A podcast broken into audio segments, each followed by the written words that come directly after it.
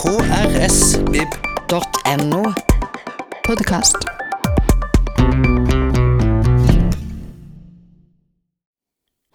Jeg er vant med å bære bøker for dagens fredagslunsjgjest.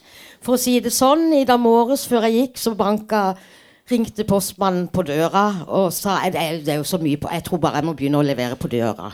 Vi har stor postkasse, men daglig kommer det opp svære forsendelser til Dagbladets hovedanmelder. Så ja. For ett år siden så hadde vi et foredrag om Dostojevskij og Raskolnikov, eller 'Forbrytelse og straff'. Det var 100 år siden den var skrevet. Og da kom det en del av dere publikummere etterpå og sa dette for, den måten å holde foredrag på likte vi veldig godt. Kan vi få flere av de? Og da hadde, og da hadde jeg personlig et ønske om Albert Camus. Og så slår jeg opp på nettet, og så ser jeg det er 75 år siden 'Den fremmede' ble skrevet.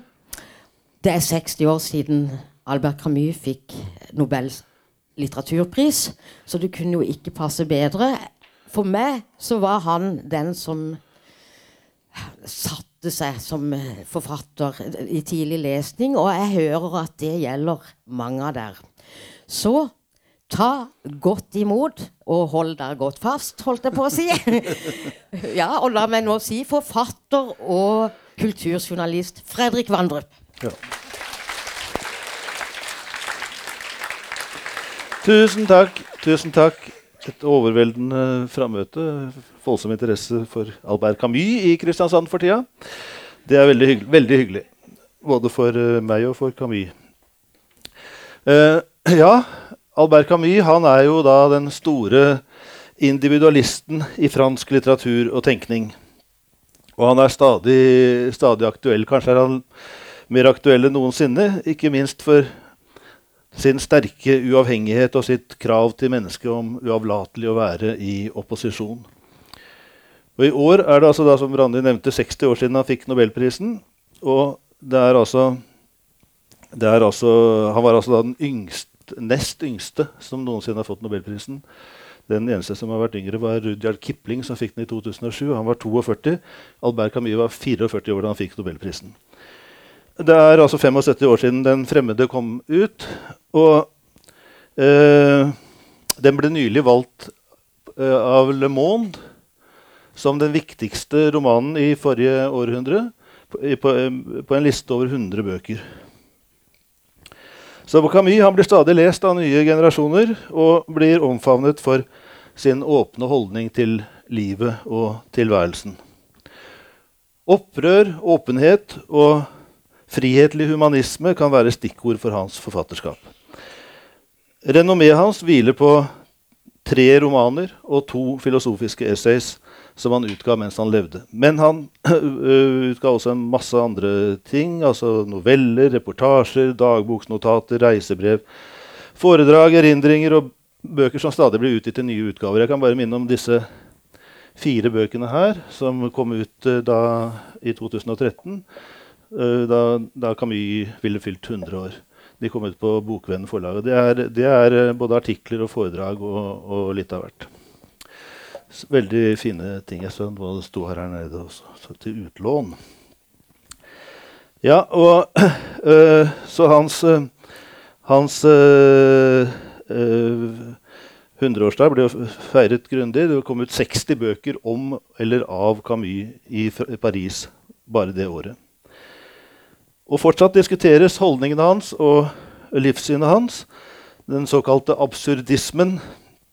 Opplevelsen av at livet er absurd. Altså at livet er uten mening.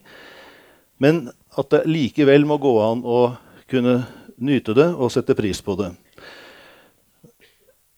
Til tross for at det ikke fantes verken guder, ideologier eller evig liv i Camus' univers, så fins det verdier som menneskelig rettferdighet og forsoning. Camus ble født i Algerie. Han er altså eh, algerer i utgangspunktet. Og eh, Han ble født ute på landsbygda i et sted som het Mardovi. Familien var eh, såkalt eh, europeisk-algirske. De, de ble kalt for pied noir, svartføtter. De som hadde flyttet fra Europa ned til Algerie og bodde der. Var, eh, de, flyttet, eh, de fleste av dem flyttet ut igjen etter at eh, Algerie ble fritt i 1962. Moren til Camille het Catherine Helene, og hun var fra Menorca. Faren var etterkommer av de første kolonialistene fra Frankrike. Han het Lucien Camille. Han var soldat. Han hadde tjenestegjort i Marokko, og da første verdenskrig brøt ut, så dro han til Frankrike og sloss mot tyskerne. Der ble han ganske fort uh, såret i et granatangrep og døde kort tid etterpå. Altså da Camus bare var ett år gammel. Så i alle år var han meget opptatt av farens skjebne. og Særlig skildrer han den i en etterlatt roman som heter 'Det første mennesket'. Moren hun var av arbeiderfamilie, en analfabet. Kunne verken lese eller skrive. Hun var vaskekone, hun var revmatisk og hørte bare på ett øre.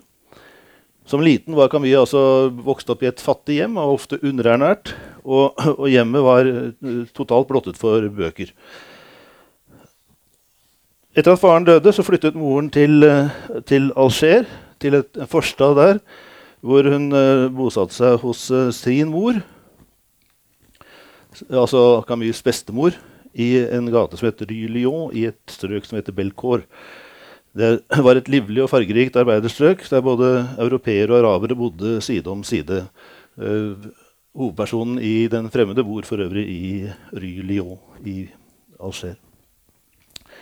Og befolkningen der er uten respekt for uh, øvrigheter og politifolk og soldater og slikt. De, de er, eh, de er røffe og, og fargerike, kan du kalle det. Mormoren var en dominerende figur som eh, både herset med datteren sin, og som oppdro disse to sønnene. Camille hadde en, en bror. Hun oppdro dem strengt, ja tyrannisk, blir det sagt, med slag og skjenn. Og her i eh, Algerie bodde Camille til han var oppe i 20-åra. Dette kan vi se i, i flere av bøkene hans, hvor, eh, hvor han skildrer middelhavskulturen og naturen, lyset, varmen, sola. Eh, alt dette som, eh, som særpreger eh, en by som Alger. Kaféliv og mylder ute på gaten. På skolen var han meget begavet, så ved hjelp av en lærer som het Louise Germain, som tidlig så at han var en spesiell fyr Han ble nesten en slags farserstatning for han. Han, han sørget for at han kom inn på, på gymnaset. Og der ble han altså ikke bare opptatt av litteratur og filosofi, men han blir keeper på skolens fotballag. En, en, en gjerning han utførte med stor entusiasme. Ja, han, han, Og dette var ikke noe hvilket som fotballag heller. Det het uh, Racing Universitaire d'Algerie og vant um, mange flotte premier i, i, i algeriske mesterskap. Og og spilte da i et par år på ungdomslaget. Og han har siden sagt at det viktigste jeg har lært om moral og forpliktelser, har jeg fra fotballen. Han mente at der fant han både eh, en naturlig heltemot, dristighet, hensyn, solidaritet, konfliktløsning, eh, lagånd og fair play. Bestemoren sørget for at han ble keeper, fordi, ganske enkelt fordi hun ville at han skulle, skulle ha en posisjon der han slet minst mulig på skoene sine. For, sånn at du slapp å kjøpe nye i ett kjør. Hvis han kom hjem og skoene var mer slitt enn hun, eh, hun syntes var rimelig for en keeper, så fikk han juling.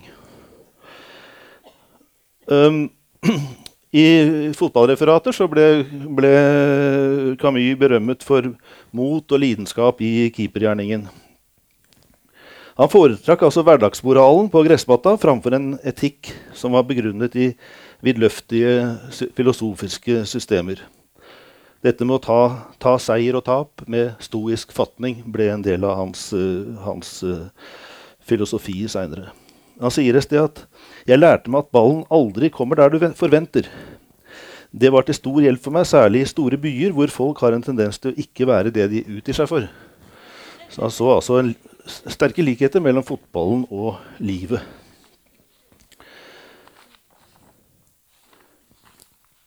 I 1930 fikk uh, uh, Camille tuberkulose og, og, holdt på å dø. Men uh, han var av de heldige som ble bedre og ble frisk, selv om han gjentatte ganger fikk store tilbakeslag. Så seint som i 1949 fikk han et kraftig tilbakeslag som gjorde at han ble satt ut av spillet i et par år. Det førte jo selvfølgelig også til, til sterke tanker om om død og, og om, om, om, livets skjørhet. Men du kan altså likevel, til tross for denne lungesykdommen, så kan du si at han røyker på nesten alle bildene som blir tatt. Han har han en eh, sigarett i, mellom leppene. Han leste mye. Eh, da han ble syk, så begynte han å lese veldig mye. Han leste filosofi, han leste Nietzsche og Kjerkegård. Den franske filosofen Henri Berson han leste Hemingway, Faulkner, Dostojevskij, André Malraux, Kafka og ikke minst Thomas Mann, eh, 'Trollfjellet', som jo handlet om, handlet om et uh, lungesanatorium. Så ble han medlem av kommunistpartiet, men han meldte seg kjapt ut igjen. I 1935 var han ute av det. Han opplevde det han uh, fikk vite der, som uh, autoritært og innsnevret. Og særlig fordi han også da på samme tid jobbet på, i teater og opplevde at, eh, at eh, ledelsen i kommunistpartiet var, utøvde en viss grad av sensur i forhold til hva de fikk lov å spille.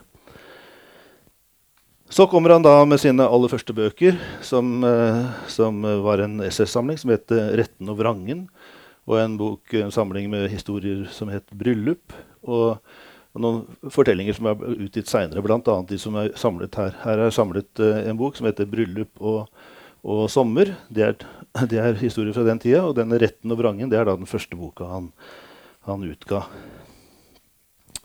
Han var også journalist i, uh, i uh, Alger, Republican. Han uh, skrev masse reportasjer, særlig sosiale reportasjer om fattigdom og nød og dårlige sanitære forhold i, i slummen. Han uh, var også en ivrig debattant og angrep uh, politiske ledere. Og tok alltid de svake og forsvarsløses parti. I 1939 blir han første redaktøren av noe som heter Le Soir Républicain. Han hadde også et heftig forhold til damer. Uh, hele livet, egentlig. Men han, han giftet seg allerede uh, i 1934 med en dame som het Simone Hie, som var rikmannsdatter. Som, eh, og med henne fulgte både leilighet og bil og litt av hvert. Uh, men også et stadig økende heroinmisbruk fra hennes side, da, så, som ble vanskelig å leve med. Fikk et vanskelig temperament. og og til slutt prostituerte hun seg for å skaffe penger til denne heroinen, selv om hun var aldri så mye rikmannsdatter. Så dette ekteskapet det varte ikke så veldig lenge. Og begge var jo dessuten utro på hver sin kant. da. Han var, han var kjent for å være lidenskapelig opptatt av kvinner. Hadde mange elskerinner hele livet gjennom. Og forbrukte damer på løpende bånd. Han traff en dame som het uh, Francine Fauré i 1939. Henne giftet han seg da med. Um, hun var pianist og matematiker fra, fra Oran i, i Algerie. Hun ville på det livet gifte seg med han, da, men han, og han sa at eh, ok, jeg er ikke så interessert i det, men uh, hvis du vil, så kan vi gjøre det. det, det dette kjenner, vil de som har lest uh, 'Den fremmede', kjenne igjen hos uh, hovedpersonen der. Han er også helt likegyldig overfor ekteskap, men han, han sier at ok, hvis du, hvis du, har lyst, så kan vi jo gifte oss. Og de, de fikk tvillinger, og de ble altså faktisk, til tross for en rekke eskapader med forskjellige damer, bl.a. et kjent forhold mellom Camus og en skuespillerinne som het eh, Maria Casares, så varte dette livet ut. I 1940, da krigsåret, eh, så eh, dro han til Paris. Og, og fikk jobb i Paris Soir.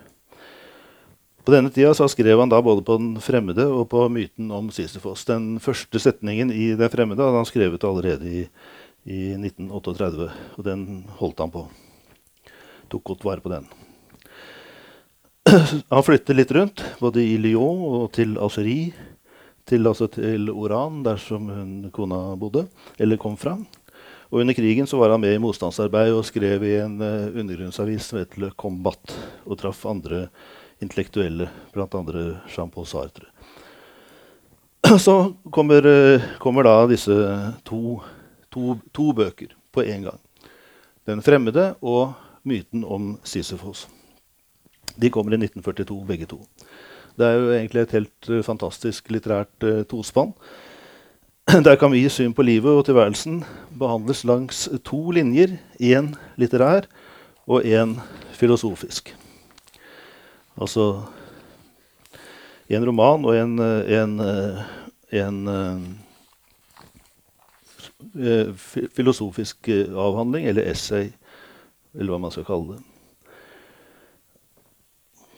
Han utga jo da, for å bare ha sagt det Vi skal ikke gå tett inn på alt Camus skrev, for det er det ikke rom for. Men, men han utga jo tre romaner mens han levde.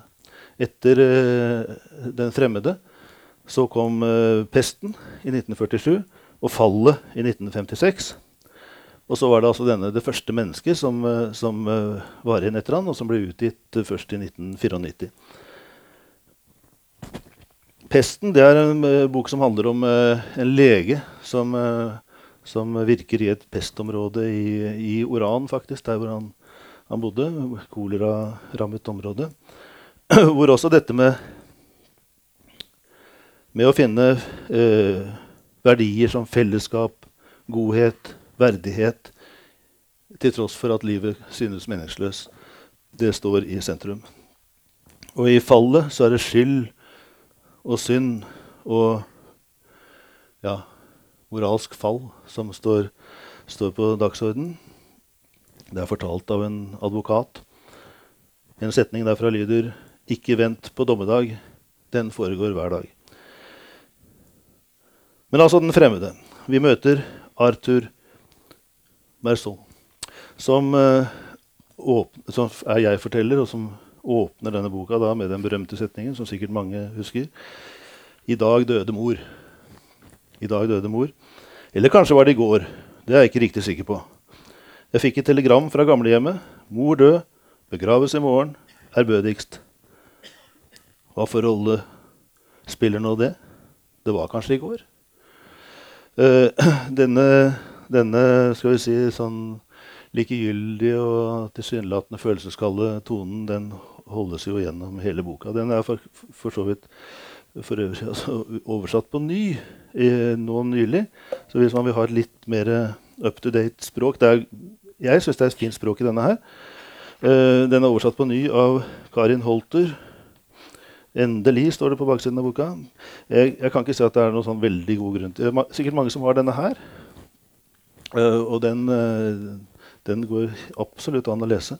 Og det er en liten ting med denne boka. Så, det er, dette er en parentes. Men i, her heter det 'I dag døde mamma'. Eller kanskje i går. Jeg vet ikke. For meg så passer ikke dette med mamma så godt inn. Det blir uh, litt for tett. så jeg syns 'I dag døde mor' er eh, Eller i dag døde, døde mor. Eller kanskje var det i går. Det er jeg ikke riktig sikker på. Den markerer bedre den avstanden. Men sånn språk er språk. Uh, I hvert fall så er det slik at han drar da denne hovedpersonen til, til denne lille byen. Han bo, bor jo i, da i Alger, men han drar ut på, ut på landsbygda til dette gamle hjemmet hvor han uh, hvor han da er, er, med på sin mors begravelse. Uh, og i, i, et steikende solskinn. Og observerer det som skjer der. Og, og har, har, denne skal vi si, avstanden til, til, det hele, til alt som foregår. Egentlig en slags form for uvirkelighet som, som omgir Merceau. Og dagen etter så drar han på badestranden og der møter han eh, en som heter Marie. Marie eh, som, eh, som, han tidligere har jobbet sammen med. Og, hun, og det er et gledelig gjensyn, så hun blir på ganske kort tid så, så blir de eh, tent på hverandre. Og de går på kino sammen og ser en komedie med en kjent komi, komi, komiker som heter Ferran, Fernandel. Og, og, så drar de hjem til han, og så er de, er de sammen. Og, det, sånn, og, dette fortsetter de med. Har, da, kommer jo da denne dialogen som jeg snakket om, som jo åpenbart er hentet fra Camilles eget uh, liv. Dette med 'Skal vi ikke gifte oss?' Ja. Nei. Jo, men kan vi ikke gifte oss? Og så, jo da, men ok, du kan, selvfølgelig kan vi gifte oss, men, men elsker du meg? spør hun. Nei. Nei, det gjør jeg ikke. Så han, han, går med på å gifte seg, men, eh, men, eh, men det, det, rekker han da ikke. Han har også en nabo som heter Salamano, en, en, en boms som har et, har et sånn hat-kjærlighetsforhold til en lurvete hund som tasser og går opp i trappen der. Og så har han en annen nabo som heter Raymond eh, Sintes. Kranglefant, hallik, kvinnemishandler. Han har en arabisk kjæreste som han, som han da en dag banker opp, og så blir han tauet inn av politiet. Men så uh, går han med på å stille som karaktervitne for ham i, i retten. Da. Så han blir en slags venn. De drar sammen ut til, til, havet, til hytta til en venn av denne Raymond. Der ute viser det seg det, Dette er ute ved, ute ved, kysten av Middelhavet. Og, og når de går ned på stranden, så ser de plutselig at det kommer eh, et par arabere gående bortover stranda. Og, og da sier Raimona at det er broren til hun eh, dama som jeg banket opp. Så hvis det blir slåsskamp nå, så må vi, må vi stå på. Uh, så han, så, men han har en pistol, han Raymond. Og, og altså, De møter disse flere ganger. Jeg skal ikke gå i så veldig detalj, men, men så sier meg så kan ikke jeg, jeg kan bare ta vare på den pistolen for deg uh, hvis du skal slåss.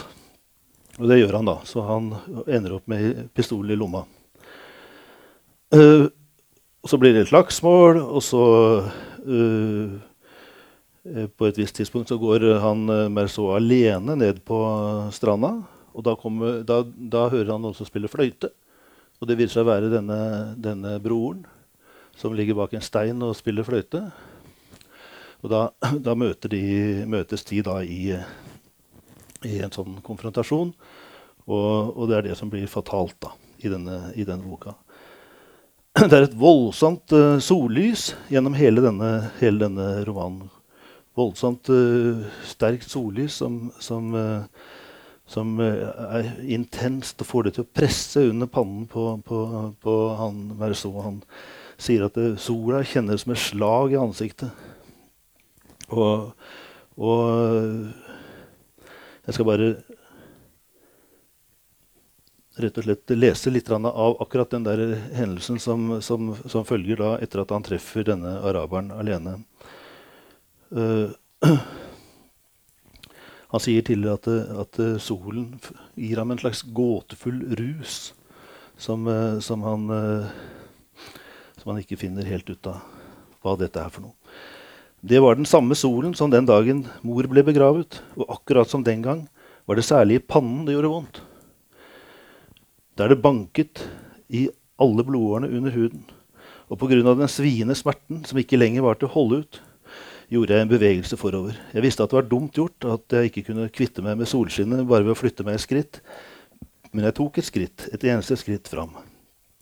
Denne gangen trakk araberen kniven uten å reise seg og viste den fram for meg i solen. Lyset sprutet fram av stålet, og det var som om et langt, gnistrende knivblad traff meg i pannen. Samtidig rant svetten, som hadde samlet seg i øyenbrynene, ned på øyelokkene og dekket dem med et tykt og klamt slør. Denne hinnen av tårer og salt blindet meg nesten fullstendig. Det eneste jeg fornemmet, var presset fra solsymbalene mot pannen, og noe mer uklart enn ildsprutende blanke bladet på kniven for mine øyne. Denne brennende kordespissen boret seg gjennom øyenvippene og inn i de smertende øynene. Da var det at alt begynte å svømme foran meg. Havet førte med seg et tungt, brennende, hett luftdrag. Jeg hadde en følelse av at det, hele den hvitt utstrakte himmelen åpnet seg for å la det regne ild. Hele mitt jeg spente seg, og hånden klemte krampaktig om revolveren. Avtrekkeren ga etter, og jeg berørte håndtakets glatte runding. Og der var det at det hele tok sin begynnelse, med en tørr og øredøvende lyd. Jeg ristet av meg svetten og solen. Jeg skjønte at jeg hadde brakt dagen ut av likevekt, den uerstattelige stillhet, på en strand der jeg hadde vært lykkelig. Så skjøt jeg enda fire skudd mot et livløst legeme, der kulene trengte inn uten å sette merker etter seg. Og det var som om jeg banket fire korte slag på ulykkens port. Ja, han, øh, han øh, utfører da dette drapet i akkurat denne stemningen, som gjennom, uh, går igjen gjennom hele boka. Denne, dette, denne stilleie, dette litt avmålte, kjølige Følelsen av uvirkelighet. Følelsen av uvirkelighet. Så blir han jo da øh, selvfølgelig arrestert, fengslet, satt øh, i, på celle. Og så følger rettssaken, og til slutt dødsdom. det, det, er eh, Det som er merkelig med den rettssaken, er jo at, at uh, domsmyndighetene går ikke så veldig inn på selve drapet. Det de er interessert i, det er hvem er Berceau? Uh, hvor fins hans sjel? Hvem er denne mannen som, uh, som, uh, har nettopp har begravd sin mor? uten å vise følelser. De fører vitner som, som, forteller at Merceau under begravelsen uh, var helt tilsynelatende apatisk, uinteressert.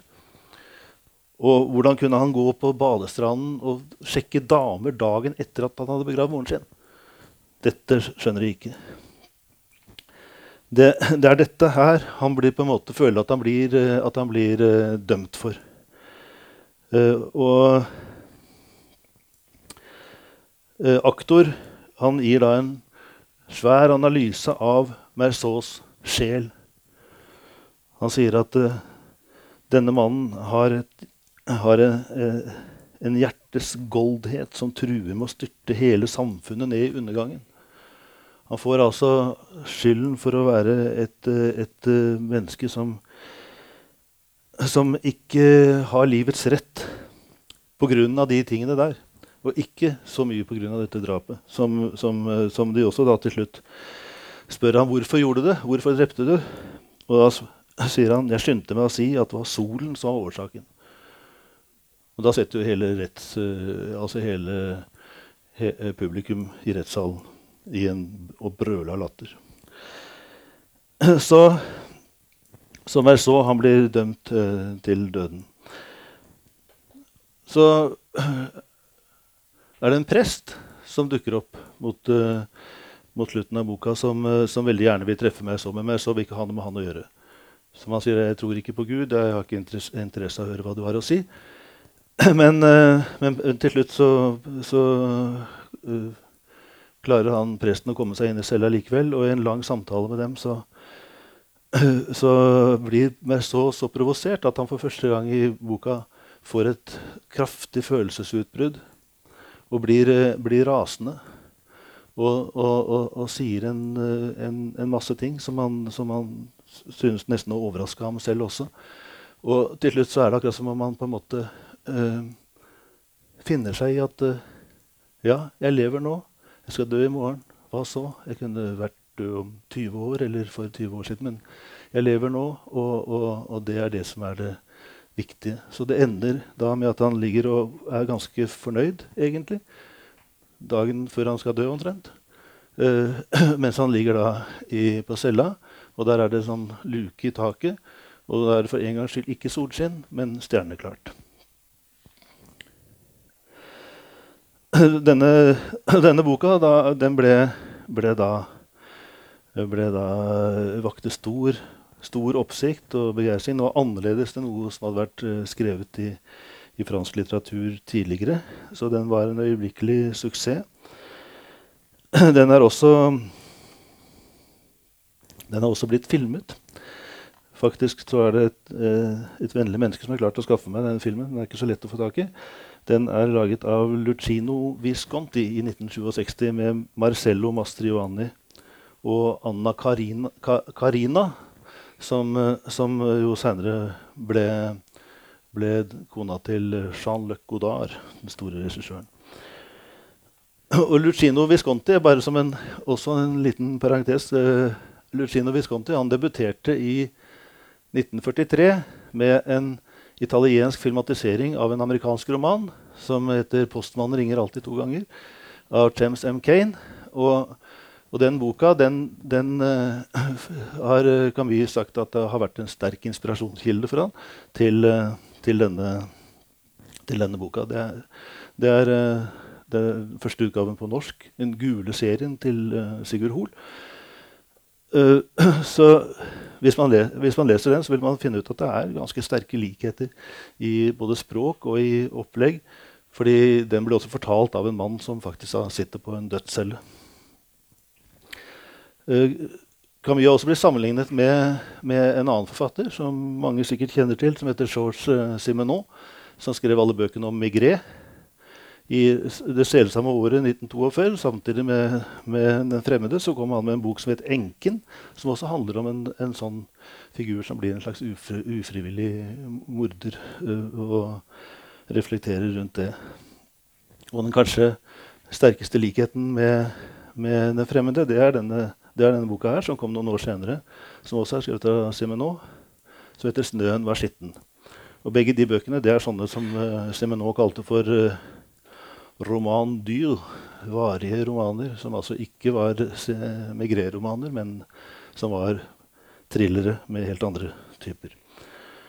Så der er det noen uh, tips til å låne på biblioteket hvis det var noen som skulle være interessert i det.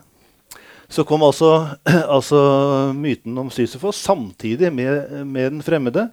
Og som sagt, det er jo uh, litt av et tospann, egentlig. Uh, myten om Sysifos er jo da en, eh, en, en bok som, som på et vis gir det filosofiske bakteppet for, for, den fremmede. Og den har også en berømt begynnelse. Altså Den første setningen her er minst like berømt som 'I går døde mor'. Det finnes bare ett virkelig alvorlig filosofisk problem. Det er selvmordet. Det er den første setningen i denne boka. Å avgjøre om livet er verdt eller ikke verdt å leve, det er å svare på filosofiens fundamentale spørsmål. Resten, om verden har tre dimensjoner, om forstanden har ni eller tolv kategorier, kommer i annen rekke. Det er lek. Først må man svare. Og hvis det er sant, som Nietzsche sier, at en filosof for å være aktverdig bør foregå med et godt eksempel, forstår man hvor viktig dette svaret er. Da det går forut for den avgjørende handling. Dette er innlysende sannheter som hjertet kan føle, men som må utdypes for at de skal bli tydelige for forstanden. Og så videre.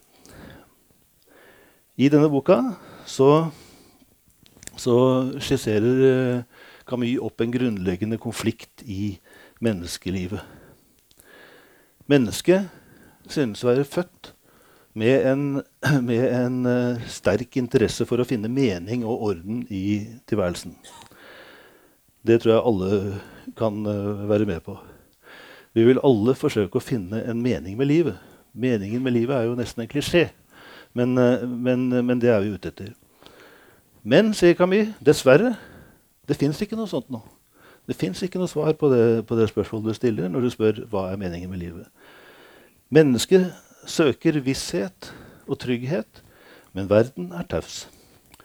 Han skriver om universets stillhet.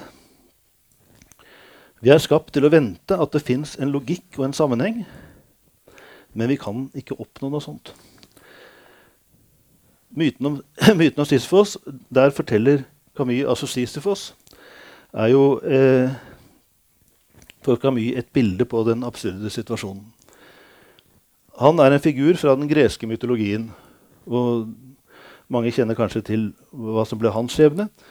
Hans straff det er at han stadig må rulle en, rulle en diger stein opp på et fjell. Han er sterk, da, men han, han må rulle denne steinen opp på fjellet. Det er, det er hans skjebne. Og, men straks han når toppen med den steinen, hva skjer da? Den triller ned igjen. Og da må, må Sisyfos labbe ned til bunnen av fjellet og begynne på nytt. Og sånn fortsetter det i evig tid. Det, er, det kan synes som en uh, trist skjebne, men uh, Camus er ikke så sikker på det. Eh, han mener at tilværelsen vår er, er altså selvmotsigende, rett og slett. Fordi vi er født med en forestilling om et godt og skjønt og vakkert liv. Og det prøver vi å finne.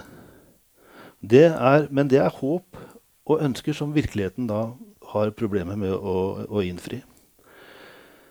Menneskene er altså fylt av spørsmål, men verden svarer ikke. Så vi er fanget mellom drøm og virkelighet. Det er den absurde situasjonen. Så har da Camus skisserer opp tre løsninger som mennesker har en tendens til å velge når de ikke finner ut av dette. Den ene er selvmordet, å gi etter for det meningsløse. Det andre er religion. At man altså finner en tro som, uh, på høyere makter som, som, som, slår en bue over uh, livet, og som gir uh, mening. Det mener Camus er helt uakseptabelt, for det, noe sånt fins ikke. Det fins ikke noe gudsbevis. Det fins ingen som passer på. Så den tredje løsningen, som altså Hvis den første selvmordet er et fysisk selvmord, og den neste Eh, religionen er et slags metafysisk selvmord, eller et filosofisk selvmord, så er den tredje løsningen å leve med situasjonen. Å leve med absurditeten. Å oppfatte den som en iboende del av livet. Og lære seg til å leve med at livet rett og slett ikke har noen spesiell mening. Og for Camus er altså det, da dette den beste løsningen. Godta det. Kanskje til og med nyte det. Og han tenker seg en Sysefos som ikke er så kjei og lei og går og klager og, klager og syter, men som, som er glad. Syns det er greit. OK, får ta steinen opp igjen. Så øh, kan man forsøke å fylle dette gapet som, som har oppstått, da, med gode handlinger og dyrking av skjønnhet og sanselige nytelser som verden tross alt byr på. Altså leve i et slags konstant opp, opprør mot trangen til å å gi opp. Og Denne opprørske holdningen eh, den passer godt med keeperrollen også. Det er faktisk, altså, Jeg må også få anbefale en meget fin liten bok om uh, målvaktfilosofi. Som inneholder et kapittel om uh, Camus. Uh, den er skrevet av Øyvind Kvalnes. Og han skriver da at en slik metafysisk trass som det, den som vi har beskrevet nå Dette her vil vi også gjøre opp opprør mot uh, livets omstendigheter. Det er noe en stoisk målvakt har lett for å forstå. Målene kan renne inn bak ham, selv når han spiller på sitt ypperste. Den ene redningen følger etter den andre, men skuddene kommer så tett at det er uunngåelig at noen av dem passerer forbi han. Da er det godt å støtte seg til Camus' tanker om hvordan en kan holde ut med det absurde. Det er ingen overdrivelse å snakke om en Camus-skole blant sisteskansene. Her er et tankegods som hardt prøvede målvakter kan ta til seg.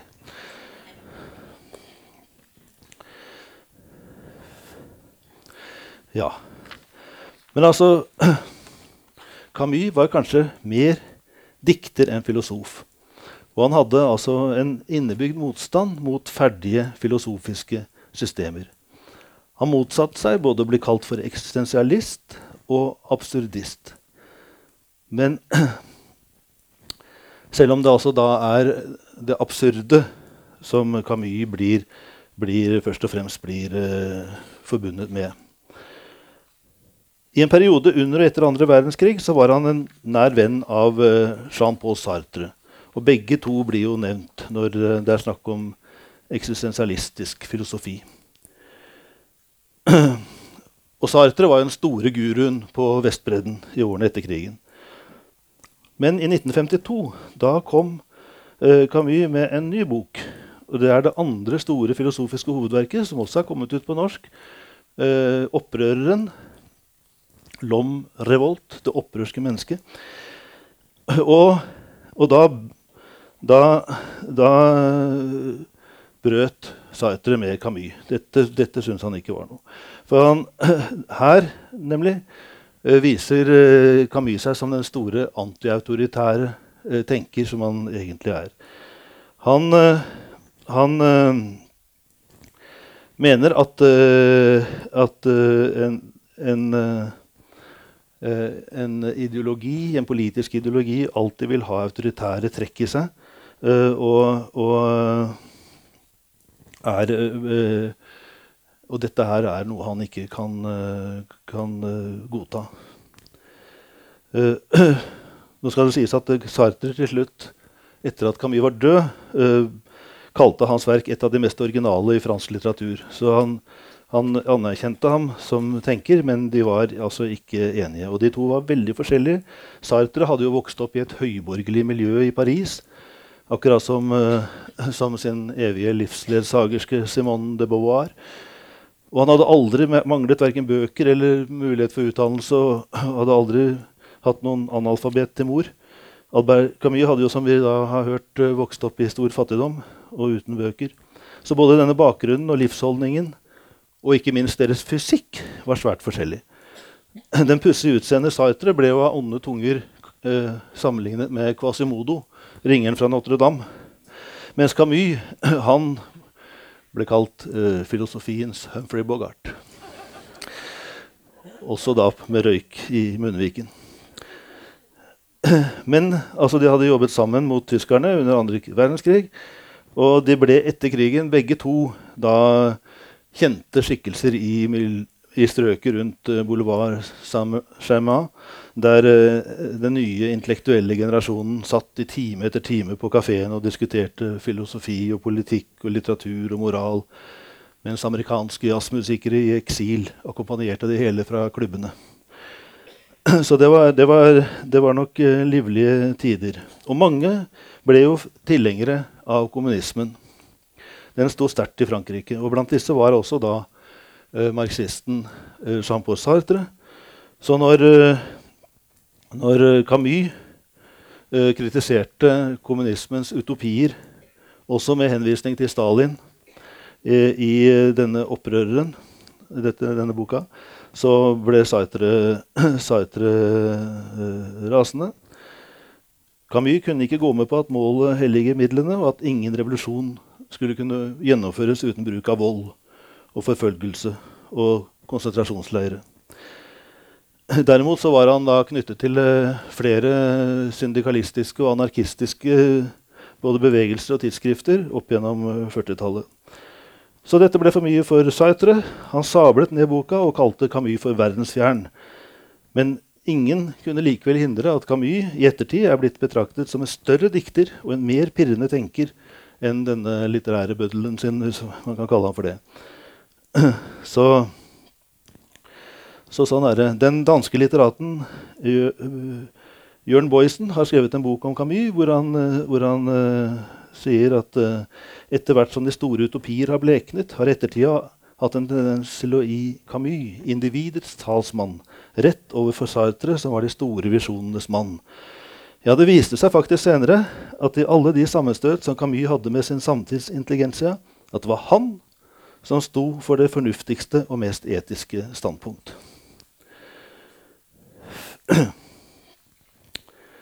Ja Camus ble også en sånn overgangsfigur i fransk litteratur. Eh, da jeg snakket om Dostojevskij i fjor, som Randi nevnte her, så innledet jeg jo med en, denne drømmen som mange av oss har om å, om å ta fri noen år og lese de store russiske romanene. Men det finnes så mange lignende ting i Frankrike. Alle store romanene av Balzac og Flaubert og Hugo og Stendhal og Sola, for ikke å snakke om tolv bind med Prost og Céline og Schidd osv. Men Camus han, han, han, kom inn som noe helt annet. Han skrev for det første fryktelig kort, i motsetning til de fleste av disse her. Det er jo en befrielse med en bok som er på den tykkelsen der. I vår tid er jo det en rene skjære utopi nesten at det skal komme sånne bøker. og, og, Så han ble en overgangsskikkelse til det som etter krigen ble den franske nyromanen. Som ble, ble skrevet av sånne som Marguerite Duras og Rob Grier og Nathalie Sorot, Michel Botor. Veldig forskjellige bøker, men som alle, alle var eksperimentelle og, og, på en måte frigjørende. Da. Og Hvis jeg skulle peke på et par, et par norske forfattere som er påvirket av Camus, så, så, kan jeg jo nevne Dag Solstad. Som, jo, som dere, dere, som var til stede da jeg intervjuet Dag Solstad under Bjørneboe-dagene, vil jo også huske at han uh, fortalte om sin keeperkarriere. og og den andre syns jeg er Kjell Askelsen. Altså, jeg, jeg, hører nesten Kjell Askildsens stemme når jeg leser Camus. Og, og denne boka uh, 'Den fremmede' kom ut i Norge allerede i 1948, så han kan utmerket godt ha lest den. Jeg vet ikke om han hadde det før han debuterte i 1953. Men jeg husker da jeg intervjuet Kjell Askelsen første gang, så, så lød, hadde tittelen en veldig sånn kamysk klang. husker jeg.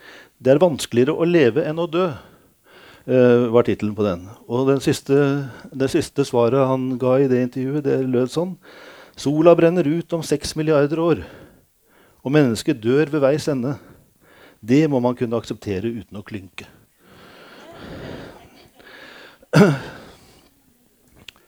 Um, for, for, for, et par år siden så så vant denne boka her eh, Goncourt-prisen, som er Frankrikes eh, Bragepris. Eh, og det er veldig høythengende pris i Frankrike. Den heter da Merceau-saken. Og, og, er skrevet av en som heter Kamel Daoud. Og den er på en måte svar til, eh, til uh, Camus.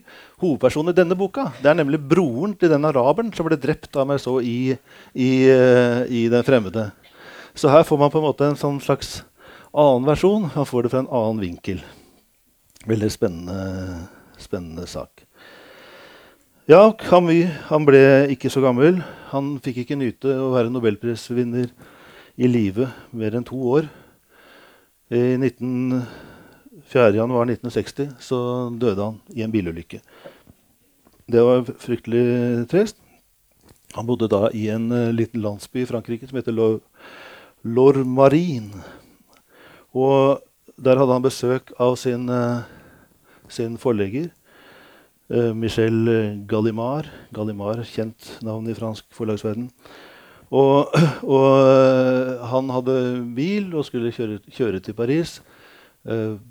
og de kjørte av gårde med kona og datteren til Gallimard i baksetet. Og, og Camus i dødssetet ved siden av sjåføren. Og så kjørte de rett inn i et uh, hus eller et tre eller hva det var. Og, og Camus døde øyeblikkelig. Uh, Gallimard døde noen dager etterpå. Og i lomma til, i frakken til Camus der lå en ubrukt togbillett. Han likte ikke å kjøre bil, men han hadde latt seg overtale. Og i veska til, til Camus der lå da dette manuset som kom ut uh, seinere, som heter 'Første menneske' som er en uh, selvbiografisk roman. Ja Da nærmer vi oss uh, slutten, Randi. Da jeg i sin tid begynte på universitetet, så begynte jeg med idéhistorie. Og da hadde jeg veldig vyer, så jeg hadde drev med spesialemne som het 'Eksistensialistiske ideer i moderne skjønnlitteratur'. Veldig pretensiøse saker, så jeg leste og holdt på. Blant annet så leste jeg en bok som het 'Utenfor sirklene' av Colin Wilson. Som heter 'The Outsider' på, på, på norsk. Veldig flott bok med masse gode tips til lesning. Og, så jeg skrev da side opp og side ned om om Kafka og Hemingway og Beckett og Camus og Sartre og George Eliot, eh, T.S. Eliot osv. Og Essensen av alt dette stoffet det kunne sammenfattes i to ganske enkle setninger som jeg hadde malt i rødt og hengt opp på hybelen min. Det ene var fra Jan Erik Vold, og det lyder sånn. Det er håpløst, og vi gir oss ikke. Og det andre det var fra den danske poeten Ivan, Ivan Malinowski, og det lød sånn Leve som om det var en fremtid og et håp. Disse ordene, disse uttrykkene er vel kanskje i all enkelhet en slags eh, ekstrakt av Camus' eh, livsholdning. Det gjelder å eksistere også etter at man har erkjent, har erkjent at livet, særlig i lys av døden, er uten noen, eh, noen eh, åpenbar mening. Og til tross for denne erkjennelsen må det være mulig å kunne leve et godt liv. Uh, så Camus var jo sterk, en sterk pasifist. Han var sterk tilhenger av menneskerettigheter og av europeisk fellesskap. Han var motstander av atombomben. Han, uh, han snakket om at uh, vi kan kanskje ikke klare å forandre verden, men vi kan hindre at den går i oppløsning. Så keeperen i fransk filosofi, Camus, han har da ifølge den tidligere nevnte Kvalnes han er målvakten, outsideren, som har tatt på seg et smertefullt oppdrag med uendeligheten som tidshorisont, men som likevel klarer å bevare gnisten av glede midt oppi alt det vonde. Keeperrollen altså, den understreker gnisten av solidaritet med folk som preger alt det Camus har skrevet. Han ville ikke skape noe stort system, bare en rettesnor. Han irriterte seg over de pretensiøse pratmakerne på Montparnasse og sier et sted Ikke gå bak meg. Jeg går kanskje ikke først. Ikke gå foran meg. Jeg følger kanskje ikke etter. Bare gå ved siden av meg og vær min venn. Og han glemte aldri hvor han kom fra. I en liten erindring som het 'Sommer i Alger', så skriver han å føle sine bånd til en jord sin kjærlighet til noen mennesker og vite at det alltid finnes et sted hjertet kan slå i takt med, det er allerede meget visshet for bare ett menneskeliv. Takk skal dere ha for oppmerksomheten.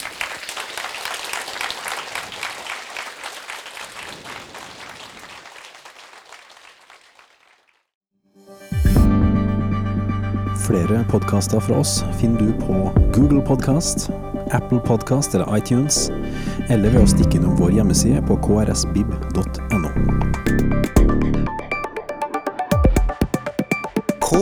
krsbib.no.